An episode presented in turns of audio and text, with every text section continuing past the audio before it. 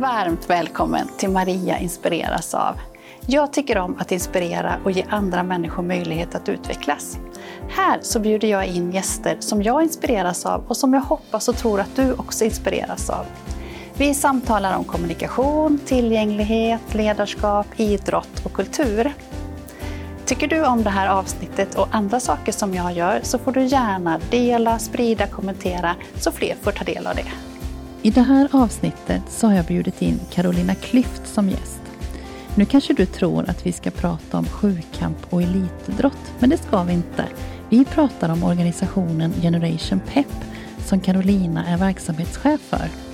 Generation Pep arbetar för att sprida kunskap och skapa engagemang kring barn och ungdomars hälsa. Detta är första avsnittet av två och Carolina berättar om hur allt startade, vilka som står bakom och hur vårt samhälle behöver göra ett systemskifte för att tänka nytt om rörelse och hälsa. Vi kollar också in när alla inbjudna gäster på Idrottsgalan stod upp och hoppade i finkläderna. Känn dig så varmt välkommen att inspireras. Hej Carolina! Hej hej! Och varmt, varmt välkommen hit! Tack så mycket! Det känns eh, väldigt roligt att ha dig som gäst här och eh, för ja, vi ska ju ha lite fokus på Generation Pep i min tanke. Men det går inte att undvika och ändå konstatera att du är kanske känd på, kanske mest känd på, på något annat sätt, eller är det så? Eh, det ska vi jag egentligen inte svara på, men jag hoppas i alla fall att eh, några i den äldre gardet kanske känner till mig från lite annat också. Eh, sen brukar det ju bli så när man är med i nya sammanhang så de yngre som växer upp kanske har en, bild av att man kommer från helt annanstans. Vadå, har du hållit på med idrott också? Jaha. Ja. Men än så länge tror jag inte att det är en så stor parentes utan det är väl liksom min idrottskarriär och, och min, min tid som före detta friidrottare är fortfarande ganska så, även om det är tio år sedan jag la av så är det ju fortfarande ibland som det dyker upp i olika sammanhang såklart. Ja, såklart. Framförallt med sjukampen då och längdhoppet är det väl inom friidrotten? Ja, alltså sjukampen är ju den som jag var mest framgångsrik inom så att jag skulle säga att det är den som har gjort störst avtryck i eh, när det gäller guldmedaljer för, för Sverige och eh, eh, historieböcker kanske. Men sen bytte jag ju gren också och hade, hade även kul med längdhoppet.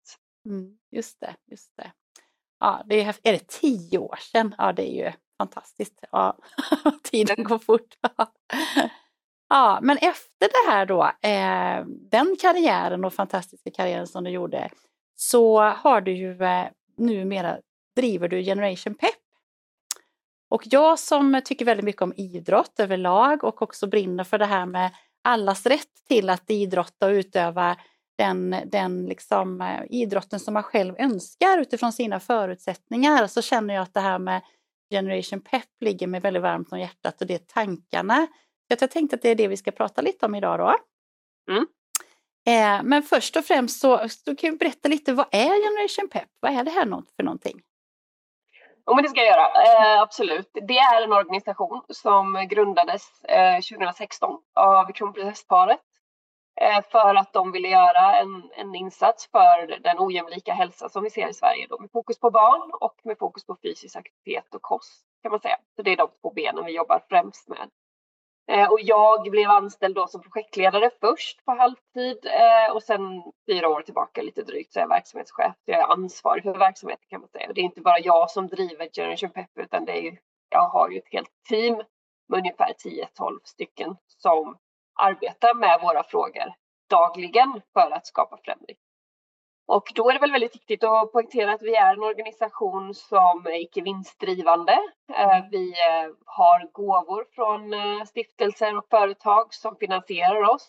Och med det försöker vi skapa engagemang för frågorna. Vi vill sätta dem här högt på agendan i olika beslutsfattares agendor. Det kan vara politiker, både nationellt, lokalt, regionalt, men det kan också vara vd eller rektorer eller förskolepedagoger eller sjuksköterskor. Vi vill liksom att det här ska bli en viktig fråga. Ännu viktigare. Det är väldigt viktigt för väldigt många, men vi vill lyfta det liksom ännu högre. Mm. Så försöker vi också såklart skapa samverkan. Vi försöker skapa vägledning, det vill säga verktyg som kan stötta befintliga arenor i hur man kan få in de här två delarna mer i sin ordinarie verksamhet. Och vi försöker hela tiden att påverka samhället åt det här hållet. För att vi vill få till en systemförändring kan man säga. Och det handlar om att vi lägger vi vill såklart inspirera individer och föräldrar och sådär. Men det viktiga för oss är att påverka samhället så att vi skapar eh, liksom nya strukturer eh, där vi har en social hållbarhet. För även om vi såklart har ett eget ansvar, ett individuellt ansvar, varje förälder eller vuxen har ett ansvar, så finns det förutsättningar i ett samhälle idag som gör det svårare att kanske välja hälsosamt eller att vara fysiskt aktiv. Och som du är inne på, att faktiskt kunna idrotta eller röra sig på annat sätt. För det är inte bara idrott vi arbetar med, utan det är ju rörelse utifrån olika förutsättningar. Även om man har ett stillasittande intresse, att man är en gamer till exempel, eller, eller att man eh, har en, någon form av funktionsvariation som kan göra det svårare, eller om man har socioekonomiska faktorer som kan göra det svårare, så, så vill vi riva bort de här hindren. Skapa mötesplatser, skapa tillgänglighet, skapa förutsättningar för att det här ska finnas nära barn och unga, att det inte ska vara så ojämlikt som det är. Utan alla barn har rätt till en god hälsa. Och det är det vi verkar för dagligen kan man säga, på väldigt många olika sätt. Ja, Åh, jag blir så himla glad när du säger de här grejerna för det är precis det som jag också tänker mycket, fast jag jobbar ju mycket med personer med funktionsnedsättning då, eller funktionsvariation och, och där är det ju, utmaningarna är ju väldigt, väldigt stora. Eh, så att jag är otroligt inspirerad av det här eh, som du pratar om nu också och brinner för. Men du sa fyra och ett halvt år, var det då det startade ungefär eller? Nej, det startade 2016 i Allmänna så då började jag arbeta som projektledare några år först. Och sen, så, så, det är så länge jag har varit verksamhetschef då i fyra och ett halvt år. Men vi, det grundades 2016 eh, på sommaren. Så nu till sommaren då så blir vi sju år. Och då var du med från början? Eh... Ja, jag var med från början. Det kan man säga att jag var, även om jag inte var verksamhetschef då från början. Men jag var med i organisationen från början. Ja. Eh, och det är ju kort tid på många sätt. Vi är ganska ödmjuka inför att det, finns väldigt många föreningar, förbund, organisationer, företag som, är, som har jobbat med de här frågorna längre än vad vi har funnits, som är innovativa, som är engagerade. Så vi försöker också visa på alla de här goda exemplen, att ta vara på den plattformen vi har byggt upp och det varumärket vi har eller kännedomen vi har som organisation med, med kronprinsessparet som grundare, att också visa på alla de goda exempel som finns och försöka katalysera det och, och få det att bli ännu större och vi använder det också för att försöka få fler att ta, ta ansvar. För vi vet att de här frågorna är inget som går att säga att ja, men det här är ju föräldrarnas ansvar eller det här är ju skolans ansvar eller det här borde vara idrottsrörelsens ansvar. Nej, men det här får förskolan ta hand om. Nej, men det är väl barnhälsovården som informerar. Det, det, lösningen ligger ju överallt här. Vi behöver få till liksom en ett, ett normskifte i där fysisk aktivitet och rörelse och bättre kost är liksom mer integrerat i människors liv igen. Mm. Eh, där det finns krafter som har, som har liksom dratt oss åt ett håll men vi vet att för mycket stillasittande och för ohälsosam kost det skapar också ett, ett sämre välbefinnande här och nu. Eh, där vi faktiskt mår sämre och upplever att vi mår sämre. Vi inte kan hantera livets olika utmaningar lika bra. Men det kan också riskera eh, att, man, att man faktiskt drabbas av en livsstilsrelaterad sjukdom i framtiden. Eh, så att vi vill ju liksom skapa goda förutsättningar för ett hälsosamt liv. Mm. Eh, sen kan det, så kan det ju se ut på olika sätt eftersom vi har olika förutsättningar och sådär. Men vi tror att får vi in det mer i strukturer och arenor där barn och unga finns på ett ja, inkluderande och naturligt sätt utan att det blir ja, skuldbeläggande eller att, att man pekar ut eller att man ska göra, man måste vara på ett visst sätt eller man måste ha de här intressena utan hitta, hitta olika sätt så att oavsett vem du är att du kan faktiskt få med dig en god hälsa. Det, det har alla barn och unga rätt till. Mm. mm. Barnkonventionen är lag sedan 2020 och, och bästa möjliga hälsa är tydlig, en, en tydlig eh, artikel i barnkonventionen och då måste vi leva upp till den på ett mycket, mycket bättre sätt som samhälle. Mm. Jag tänker att eh, det, det, allt det du beskriver nu eh, har ju funnits sedan tidigare men det måste ha blivit ännu större utmaning med, med tanke på pandemin. Eh, över att de förutsättningarna, ja, men om det nu var någon form av rörelse och hälsa och allt det här vi vill ha, liksom, det, det fanns ju på, på sitt sätt innan. Sen så hände pandemin och då blev det naturligt att vara hemma, eller vi be behövde vara hemma och vi behövde sitta still eller framför de här digitala mötena och Eh, och skolan skulle plötsligt genomföras hemma för vissa människor och sådär. Så att det måste ju också varit en ännu större utmaning. Hur såg ni på det? Jo, man kan väl säga att vi i Sverige ändå då med, med facit i hand om man tittar på det perspektivet. Nu är pandemin komplex. Man kan titta på pandemin från olika perspektiv och se att vi har misslyckats med vissa saker i Sverige Eh, och skött det dåligt. Eh, Titta på våra äldre till exempel. Eh, men om vi tittar på liksom barn och unga så får vi väl ändå vara glada att vi ändå höll skolorna öppna så pass mycket som vi ändå gjorde. Nu var det ju de äldre ungdomarna som tyvärr drabbades av att ha, att ha hemundervisning och, och plugga hemifrån med allt vad det innebär och också inte fick tillgång till rörelse på alls samma sätt med inställda fritidsaktiviteter och så vidare. Och vi är väldigt glada att man var ganska begränsad tid ändå som man ställer in fritidsaktiviteter för barn utan att man förstod vikten av att man faktiskt får eh, vara aktiv och, och, träffa sina vänner och de här sociala sammanhangen och med skolan och så. Men det är klart att vi ser konsekvenser av pandemin. Eh, det gör vi. Sen är det inte heller bara en entydig bild. Vissa idrotter till exempel har fått fler som, som har sökt sig till deras verksamheter under pandemin. Andra som har då kanske haft mer ja, fysiska idrotter där man faktiskt är väldigt nära varandra. Kampsport till exempel har ju haft en förödande konsekvenser med många bortfall. Mm. Eh, men generellt sett så vet vi att skärmtiden har gått upp, att fysisk aktivitet har gått ner på, under pandemin. Så det är klart att det har att det har blivit en extra utmaning under den här tiden. Mm, mm. För, för, orienteringen då som jag är involverad mycket i så, så, så blev det ju ett jätte liksom, härligt för att det här med Hitta ut till exempel som vi har projektet som vi har då med friskvård och rörelse ut i naturen och det var ju mängder av människor som tog del av det eller bara var ute i naturen. Sen så hade vi ju lite andra utmaningar då med de här pandemilagen innan den kom till och sådär då. Men jag ser också att det du säger tycker jag är så intressant med det här med samhället i stort, för det är någon form av förändring där, att, att man blev mer hemmasittande. För att föräldrarna var hemma och jobbade också gjorde att barnen inte liksom fick samma förebilder att vara ute och röra på sig eller att gå iväg kanske eller sådana saker också. Så det blir en koppling där som jag tycker är väldigt intressant som du säger, även om barnen i sig fick gå till skolan då, eller många fick göra det i alla fall då.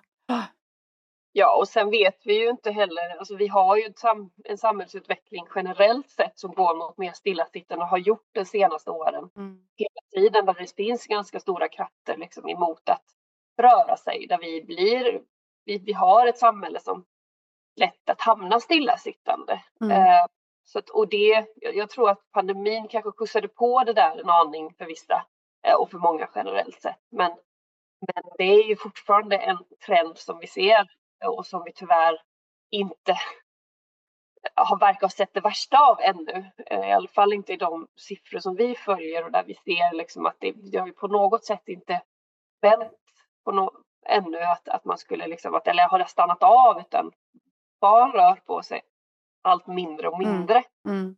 Mm.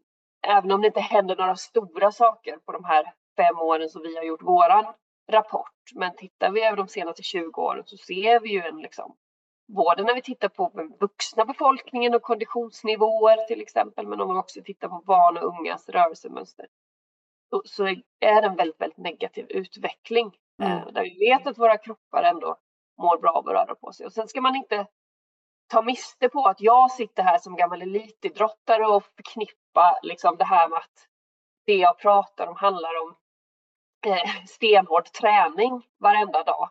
Eh, som jag kanske då en gång har representerat. Utan då får man se mig med, med mer med de glasögonen när jag pratar mycket om hur kul det är och med rörelseglädjen i sig. Att, som jag sa tidigare, att det här handlar mycket om vardagsmotionen. Att, att eh, bryta stillasittandet i vardagen, att få den där fem minuters pausen eller den där promenaden på lunchen mm. eller barnen får bryta av den där långa mattelektionen med en liten paus på mitten. Så det handlar inte om att vi att det behöver vara så himla höga trösklar egentligen, utan att det kan ske på ett ganska, ganska enkelt sätt egentligen. Ja, ja. N när du säger detta så kan vi ju glida in lite på det här eh, projektet, eller jag vet inte om jag kallar det, jag säger projekt som ni haft nu med Upp och hoppa. Eh, som det har kallats. Eh, nu, nu, förstod jag att det har funnits några år, men kanske på lite olika sätt eller? Ja, precis. Det är en manifestationsdag för att manifestera för fysisk rörelse eller rörelseglädje och den har funnits egentligen, det var väl sjätte året när vi körde den tror jag. Ah. Eh, sjätte året. Ehm, den har funnits med nästan som starten av Generation Pep eh, för att lite grann ja, manifestera det här på, under en dag där vi liksom pratar om fysisk aktivitet och rörelseglädje och tillsammans uppmärksamma det. Och det är också ett sätt för alla de som är med i vårt nätverk. Vi har många skolor, förskolor, organisationer, föreningar som gärna vill engagera sig. Så det är ett ganska enkelt sätt att visa att vi står bakom det här. Det här tycker vi och det blir en enorm kraft när det är väldigt, väldigt mm. många mm. som gör det här tillsammans. Så i år så, vi har haft några år nu med, med jumping jacks eller sådana här stjärnhopp eller sitting jacks, arm jacks eller vad man vill kalla det. Egentligen handlar det om att man hoppar på det sätt man kan eh, för barn och unga, allas, allas rätt till att, att röra på sig. Och eh, den här gången försökte vi då liksom ha som en, ett, ett mål att vi skulle samla ihop liksom ett hopp för varje, varje barn i Sverige, så över två, två miljoner hopp eh, för att verkligen så här, alla barn har rätt till eh, en god hälsa eller bästa möjliga hälsa. Mm. Och jag var ju med då och bidrog till några hopp där. Eh, eh då i en mundering som jag kanske inte trodde att jag skulle hoppa i då, en finklänning så. Men eh, du drog igång hela publiken, eller alla deltagare ska jag säga, som var med på Idrottsgalan. Ja, precis. Jag kände det innan jag klev på Nu Ja, jag men kanske ovän här med alla mina idrottskollegor och andra som har kommit hit för att sitta i sina fina kostymer och klackar och lackskor och allt vad det var. Och så ska jag liksom be dem att eh, röra på sig under några sekunder. Men eh, jag tyckte ändå med, med facit i hand så eh, föll det väldigt bra ut och jag tror också att väldigt många uppskattade den där lilla pausen med den här långa sittningen som det ändå är på Idrottsgalan. Att faktiskt få röra på sig utifrån sina förutsättningar där man oavsett klänning eller eh, vad man kände att man kunde bidra på något sätt. Ja, precis. Jag tänker Karolina att vi ska titta på ett litet klipp Eh, på detta när vi gjorde det här och du drog igång hela, vad säger man, deltagare, eller säger man all, all, alla som var med ja, på middagen? Gäster, ja, precis, inbjudna gäster där. Så när jag räknar ner så är det jumping jack som gäller för Sveriges alla barn och unga. Är ni med? Oh, det här blir en rysare vet du. Tre, två, ett, kör! Oj! Åh, oh, snyggt! Herregud, jag blir tårögd!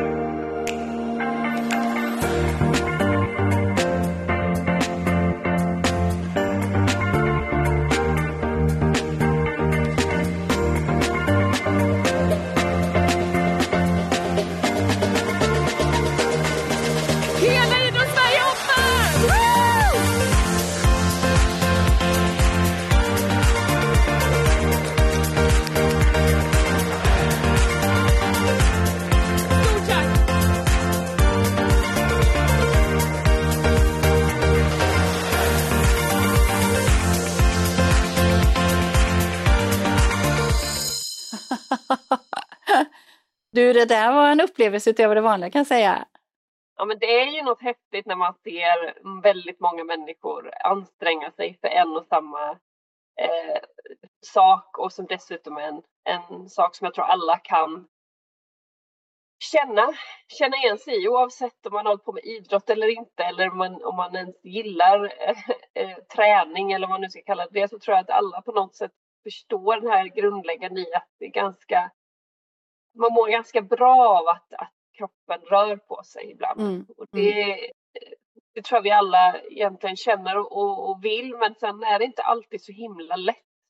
Vi har så otroligt många hinder i vårt samhälle idag för detta. Um, så det går inte bara att säga, men det är väl bara att köra på med. Kom igen nu, det är väl bara att göra. Utan det finns otroligt många hinder, framförallt som våra barn och unga bär mm. på. Uh, som är liksom våra tillkortakommanden som vuxna och det samhälle vi har skapat eh, som de faktiskt får bära på eh, mm. helt onödan egentligen. Eh, så det, det, ja, det är häftigt när många ändå visar att vi, vi måste liksom prioritera det här. Ja, och det är ju ett sammanhang, vi samlas ju där för att eh, hylla idrotten och det tänker jag att vi hyllar oavsett om det är rörelse, eller allt är ju rörelse, folkhälsa, idrott som förknippas så att det är väl helt rätt forum att göra det. Och vi vet ju att vi behöver både den här, nu är det den yttersta eh, eliten som syns där, men jag menar vi vet ju att det, det är från bredden den kommer och från framförallt ungdomar och hoppet liksom för att eh, må gott och, och, tycka om att röra på sig helt enkelt. Så att, äh, det, det där var ju riktigt bra gjort tycker jag. Sen hade de inte så mycket val. Jag, Nej. Alla, alla hade hoppats att någon inte skulle göra det men eh, jag tog, tog tillfället i akt och, och kanske var lite påtvingat också men, men, det var för god sak så då kände jag att det var okej. Absolut och jag tänkte, oj för jag var lite förvånad faktiskt vilket engagemang det blev för jag tänkte också det här var många höga klackar och grejer så men oj oj oj vad folk hoppade. Men det säger också någonting om liksom att alla har ju inte samma förutsättningar. Alla känner sig inte bekväma att röra på sig. Den här gången kanske det handlar om att man har klackar på fötterna. Men att, att så här, bjuda på det och hitta sätt ja. att göra det. Och det behöver inte vara att man står och hoppar och gör det liksom skitsnyggt eller duktigt eller snabbt. Eller liksom om man kastar upp en arm eller om man gör något med huvudet. Liksom. Det, det, det, vi vill ju också säga någonting med det. Att, att eh, vi, vi kräver inte att det ska se ut på ett visst sätt. Vi behöver kalla det någonting. Vi försöker så visa på att det kan se ut hur som helst. Tolka det fritt och tolka det utifrån dina förutsättningar. Liksom. Det här ja. handlar bara om att vi gör någonting tillsammans som mm. visar på att alla barn och unga har rätt till, till att eh, få med sig en god hälsa. Kommer du, eh, du berättar ju lite om så här projekt och, och sådana saker och ni möter mycket nu. Kommer du i kontakt med mycket verksamheter som Hör de av sig till, till er också som organisation eller? Absolut, Nej, men vi har ju ett nätverk eh, där man om man väljer att ställa sig bakom vår vision så är man med i vårt nätverk. Vi har liksom inga, inga krav på att vara med i vårt nätverk egentligen. Vi vill gärna att man delar nyhetsbrev, att man är med och försöker bidra på det sätt man kan. Och vi har ju snart 600 organisationer, eh, föreningar, företag, förbund kommuner, alltså alla möjliga som har ställt sig bakom vår vision. Som är. Sen har vi ju också flera tusen skolor och förskolor som använder våra verktyg som vi har tagit fram för att stötta verksamheter. Vi har tagit fram en rad olika verktyg, allt ifrån hur man kan byta ut eh, sortimentet i sin idrottskiosk eller skolkafeteria för att det ska bli mer hälsosamt till nu jobbar vi med ett pilotprojekt som kommer vara ett stöd för alla landets kommuner i hur man kan göra, vilka investeringar man kan göra, hur man kan arbeta för att främja barn och ungas hälsa med fysisk aktivitet och kost i fokus. Så vi, vi jobbar ju väldigt mycket eh, med att skapa ett engagemang, ett brett engagemang. Eh, och det, man får ha både, två bollarna i luften, att både så skapa engagemang genom den här typen av kampanjer som kanske är väldigt mycket här och nu och det är kul och liksom, ja, så kan man ju säga, men vad gör det egentligen för skillnad på riktigt? Ja, men om vi skapar mycket hype och den här frågan seglar upp högre upp på agendorna hos våra beslutsfattare eller hos näringslivet eller hos rektorer. Ja, men då kommer den kanske också prioriteras. Men samtidigt så måste vi jobba med det här. Det kanske är lite trögare, som tar längre tid, som man måste förändra strukturer och skapa de här liksom, stödverktygen som kan förändra verksamheter på lång sikt på ett skalbart och hållbart sätt där man inte mm. liksom behöver Generation Pep kanske efter ett tag utan man har använt vårt verktyg och man har kommit igång och sen är liksom skolan har man fått in det här med fysisk aktivitet och kost mycket mer tydligt i, i skolan. Så är vi, vi vill ju egentligen avveckla oss själva. Det är liksom ett mindset som är viktigt för oss att vi vill skapa en förändring i samhället som är hållbart över tid, som är långsiktigt hållbart. Och det kanske inte är att det alltid finns en organisation här. Men så länge vi inte har det vi tycker behövs på plats för barn och ungas skull så behöver vi finnas här och skynda på, katalysera, visa på goda exempel tillsammans med alla de andra som gör fantastiska saker. Bland annat Svenska orienteringsförbundet till exempel. Mm. Jag tänkte på, får jag vara inne på er hemsida och titta lite och nu det senaste hade ni ni beskrev var bland annat att man knackar på. Eh, eller jag tecknar ju knacka på, för jag jobbar mycket med tecken som stöd, var därför knacka på. Jag har varit mycket på biblioteken runt om i Sverige och föreläst och pratat just om, jag pratar mycket om kommunikativ och kognitiv tillgänglighet för, för alla människor att de ska kunna till exempel ta del av bibliotek och, och vara i ett sammanhang där. Och de jobbar mycket med den här boken Knacka på. Och då såg jag att ni hade också, eller någon förskola tror jag, som hade eh, hade den boken Knacka på också fast ute i naturen och så var det olika rum eller någonting. Känner du igen detta Karolina? Ja. Det här är nog ett inspirationscase i vår inspirationsbank. Ja, så kanske det var. Ja. Och den inspirationsbanken är ju till för att eh, förskolor, skolor och andra föreningar och förbund ska kunna lägga in goda exempel på vad de gör i sina verksamheter som man vill sprida till andra. Så alla, jag har inte koll på alla case som är i inspirationsbanken, det är över hundra tror jag. Ja, ja, det var otroligt många. Men det, just det här kanske jag fastnar lite extra för just nu för att jag var så inne i den här boken och knacka på. Mm. Så så det är många som pratar om den här på biblioteken och sen så såg jag också att den fanns här och de hade, den här förskolan tror jag hade byggt lite olika rum, de olika färger och så var det olika former av mm. rörelser i ja, skogens rum då, eller man ska säga. Ja. Så himla fint eh, ja. såg det ut att vara. Det finns ju så många fina exempel på ja. hur påhittiga, kreativa, engagerade pedagoger liksom, eh, ger barnen det här i, i, på förskolan till exempel och i, inom skolan. Och sådana goda exempel måste vi givetvis sprida till andra som kanske vill och, och men, intresserade men, men ibland kan det kännas tufft. Dels kanske man är lite ensam i det, man behöver få med sig några kollegor men det kan också vara lite lättare om man får ta, jag plockar den här idén som de körde på den förskolan så testar jag det här på vår förskola. Ja. Istället för att själv ska sitta alltid och uppfinna hjulet och komma på någonting så är det ju här ett sätt att här, inspirera varandra utan att vi behöver liksom lägga någon värdering i vem som är duktig eller vem som inte är duktig. Men alltså bara börja och då behöver man konkreta saker som man kan ta tag i. Mm. Mm. Och det är tanken med Inspirationsbanken där du förmodligen har, har hittat det här specifika exemplet från, från den här förskolan. Ja. Här tar vi en paus i samtalet. Så fint att höra Carolina berätta om alla initiativ som uppkommer i Generation Peps anda och så viktigt att tänka att det handlar om att bryta stillasittandet i vardagen med en fem minuters paus till exempel. Du kan gå in på deras hemsida generationpep.se så kan du få mycket inspiration om hur du kan arbeta med barn och ungdomars hälsa.